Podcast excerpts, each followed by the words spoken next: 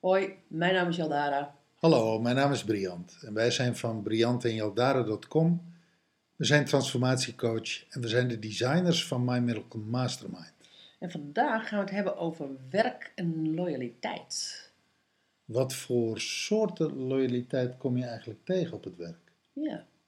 Ehm, ik ben natuurlijk business trainer geweest. Ja, Dus, ehm, je hebt er verstand van. nou ja, of er verstand van heb. In ieder geval, ik heb ehm, veel verschillende soorten loyaliteit gezien. Laten we eens gaan kijken in eerste instantie naar relaties. Ehm, ben ik loyaal aan mijn collega, ook al ehm, doet hij niet wat hij moet doen? En los ik het wel voor hem op? En loyaliteit is dan natuurlijk zoiets, is dat je het voor de ander, het voor de ander opneemt, voor iets opneemt en wat ten koste gaat van de ander. Hè? Dus neem ik het voor mijn collega op, of neem ik het juist voor mijn manager op, omdat ik misschien wel ehm, door hem gepromoveerd kan worden naar een ander baantje. Dus ben ik loyaal aan mijn carrière. Ja, ben ik loyaal aan mijn carrière. Of ben ik misschien wel loyaal gewoon aan het geld wat ik verdien. Want ik heb een, eh, ik heb een dure koophuis. En ehm, eigenlijk vind ik het eh, werk wat ik doe, vind ik ehm, tussen aanhalingstekens ruk. En zit ik daar eigenlijk alleen maar voor ehm, de hypotheek en hongerige kinderogen. Dat willen we natuurlijk allemaal liever niet zeggen, maar als ik dat dan vroeger tijdens mijn business trainingen zei, zo van nou, wie zit hier voor de hypotheek en hongerige kinderogen, dan ehm, waren er toch altijd oogjes die dan ben ik toch een beetje begonnen te twinkelen en, zeiden, en dan de monden bleven stil, maar waarvan de oogjes lieten zien van, oh ja, ja, ja, ik wel een beetje, want ik vind het hier niet zo heel erg leuk meer. Kortom, werken om te werken. Ja, En en, niet, en niet werken voor het plezier. Ja, en, en natuurlijk heb je, ook, eh, heb je ook de loyaliteit van de mensen die, die, die hun passie daarin kwijt kunnen. Die dus volledig die passie leven. En die misschien wel te weinig, ehm, ehm, te laat naar huis gaan, te weinig aan, aan thuis denken. Dus er zitten, er zitten allerlei. ehm, ehm, je hebt ontzettend veel soorten loyaliteitsvraagstukken binnen het werk ook de klus die geklaard moet worden. Hè? En als je een functie hebt. Ik ben, kom echt mensen, kwam echt mensen tegen die zeiden van... Dit hoor ik te doen, maar ik vind zo'n verschrikkelijke flauwekul wat ik hier doe. Want ik zie dat mijn manager of ik zie dat de baas van, van dit bedrijf er helemaal niks mee doet. Dus ik doe het ook helemaal niet. Ik kan mij herinneren dat wij ooit in ons uitzendbureau een secretaresse hadden. En ik weet niet of jij het nog kan herinneren. Maar zij kreeg toen een opdracht van ons. Zij moest bepaalde eh, cijfers, moest zij, ehm, eh, je begint al te, kn- te- knikken. Bepaalde cijfers moest zij eh, op een rijtje krijgen. En toen stelde zij ons de vraag, en wat gaan jullie daarmee doen? En toen zeiden wij ehm, het markante antwoord van, op het moment dat, wij, ehm, eh, dat we dat nodig hebben, dan gaan we er iets mee doen. En toen zei zij, dan stel ik voor dat als je er iets mee wil gaan doen, dat je me dat dan gaat vertellen, want dan, dan ga ik het dan wel doen. Want dit is absolute flauwekul wat ik nu zit te doen.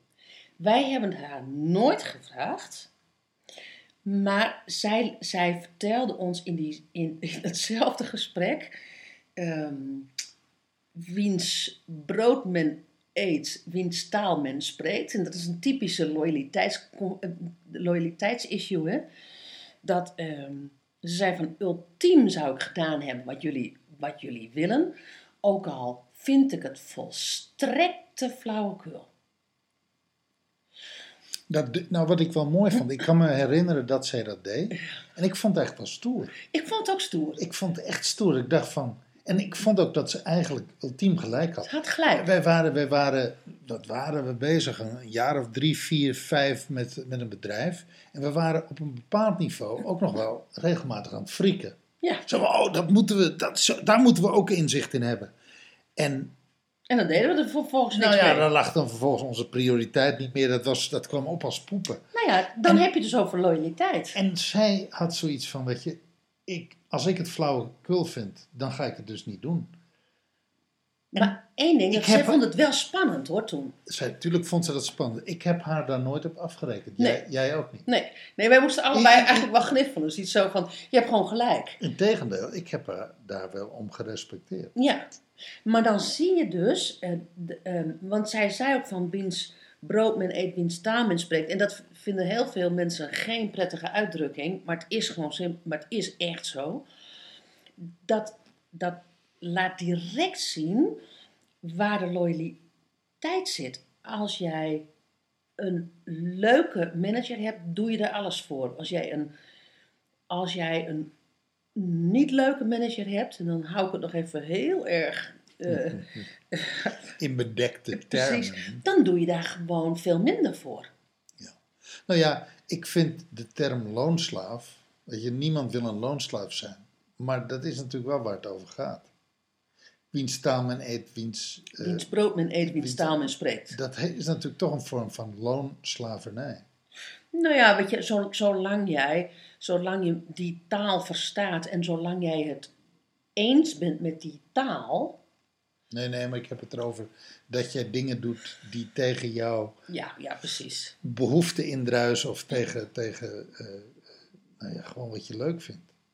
Dat is natuurlijk een aspect in je leven waar je in een werksituatie veel meer mee te maken hebt dan in een privésituatie. Nou, al is het alleen maar om het feit dat in een werksituatie veel minder liefde voorkomt. Ja. Het is, het is echt een groot verschil. Ja, groot, Groot verschil. groot verschil. Weet je waar ik opeens ook aan moet denken? Ik zat te denken, waar was ik eigenlijk loyaal aan toen ik en een gezin aan het opbouwen was, met jonge kinderen, en een bedrijf aan het opbouwen was? Uiteindelijk was ik meer loyaal aan het succes van mijn bedrijf, het slagen van mijn bedrijf, paradoxaal genoeg dan aan, het familie, aan mijn familiegeluk. En wat was daar nou concurrerend in? Ik had het gevoel dat ik heel hard moest werken om te kunnen zorgen voor mijn gezin. En het gekke was, daardoor was ik er bijna nooit. En als ik er was, was ik veel te moe om echt actief deel te Ja. nemen. Ja. Dus aan de ene kant een succesvol bedrijf opbouwen. Ja. Om goed te kunnen zorgen voor mijn gezin. En aan de andere kant mijn gezin daardoor verwaarlozen. Ik heb die paradox nooit bij elkaar kunnen brengen. Nou, dat is ook een paradox. Ik, de, toevallig kwam er vandaag een mailing van, van iemand. Die zei van, ehm, zal ik dan nu maar een bekentenis doen? En dat was een vrouw, een vrouwelijke onderneemster. Die zei van, eigenlijk werk ik veel liever als dat ik bij mijn gezin ben. Niet dat ik niet van mijn gezin hou, maar ik ben gek van werken. Ja, Ik ben gewoon gek van werken. Ik Ja. sta op en ik denk eigenlijk gelijk aan werk. ja. Ik werk slechts 25 uur, maar mijn gedachten zitten altijd meer bij het werk als bij het gezin. Wat niet wil zeggen dat ik niet van mijn gezin hou. Nee, maar dat, dat, dat is ook niet waar het over gaat. Nee. nee, maar dat is wel belangrijk om te zeggen. De andere kant is natuurlijk ook van dat in deze tijd waarin we ehm, eh, de balans werk-privé steeds meer ehm, ehm, willen bewaken, is dat, eh, dat sommige mannen expliciet gewoon meer loyaal naar het, naar het gezin zijn, waardoor ze hun carrière niet kunnen maken. Nee, ook, ook, dat ook helemaal niet belangrijk vinden. Nou, en als je het wel belangrijk vindt, dat je het dan met vier dagen niet kan maken. Ja. En dat dat dus, dat dat dus ook weer dit loyaliteitsconflict geeft. bij het, ja. En weet je wat nog een ander loyaliteitsconflict is? Daar heb ik ook, ook weer even uit eigen doos. Eh, natuurlijk, we hebben dat uitzendbureau gehad in de zorgsector. Hebben zelf heel lang in de zorgsector gewerkt. En in de zorgsector kom ik altijd de loyaliteit tegen. Laten we zeggen, de werksom, werkomstandigheden kunnen abominabel slecht zijn Ja, voor eh, de zorgverlener. Is dat een verpleegkundige? Is dat een eh, groepsleider? Is dat een eh, sociotherapeut? Dat kunnen echt slechte werkomstandigheden zijn. Met, met heel veel stress, veel werkdruk. Eh, ik kijk bijvoorbeeld naar mensen in verzorgingstehuizen, mensen in verpleeghuizen, eh, ziekenhuizen zelfs. En die komen altijd het conflict tegen Ja, maar als ik mezelf niet inzet, als ik niet ervoor ga, dan gaat het ten koste van die patiënt. Dan gaat het ten koste van die bewoner. Dan gaat het ten koste van die inwoner.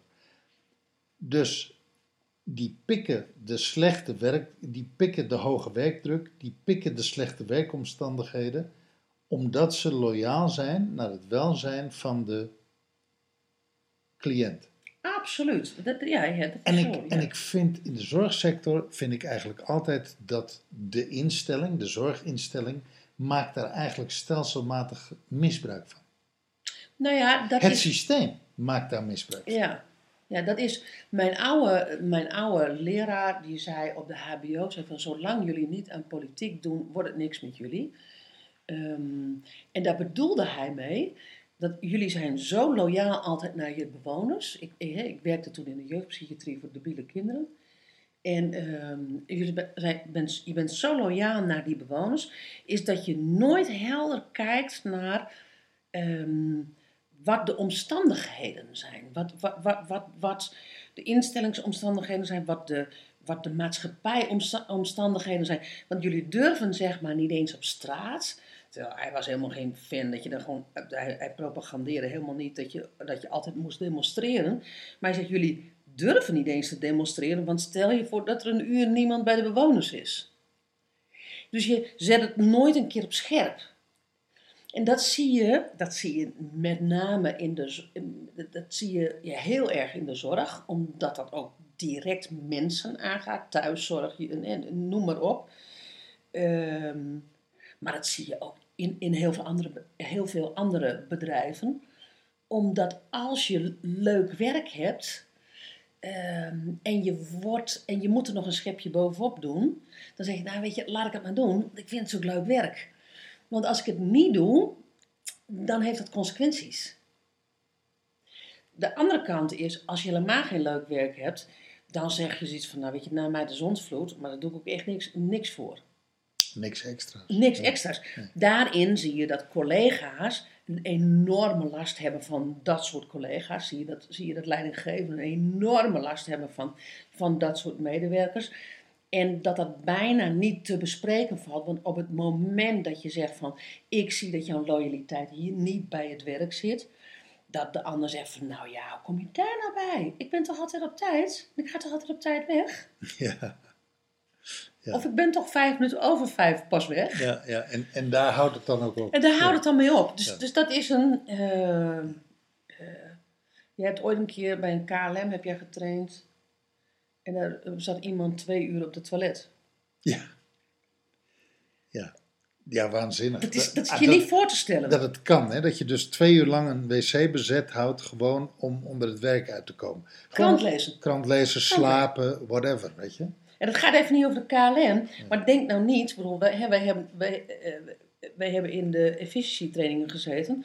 Daar zijn, daar zijn tal van dit soort voorbeelden. En eh, niet omdat ze zo nodig bij de efficiency, eh, in de efficiëntiehoek thuis horen.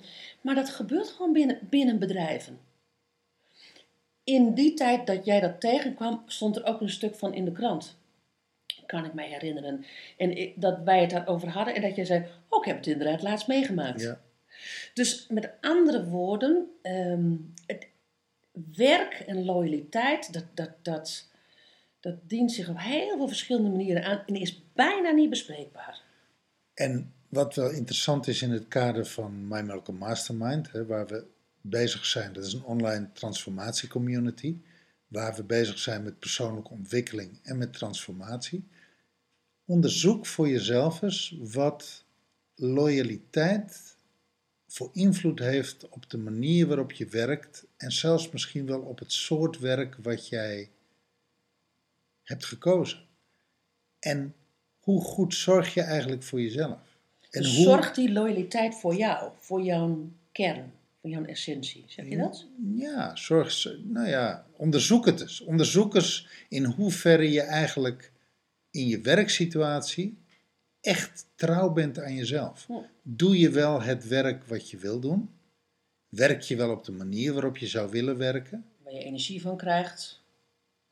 En als dat allemaal niet zo is, wat durf je dan Welke stappen durf je dan te nemen?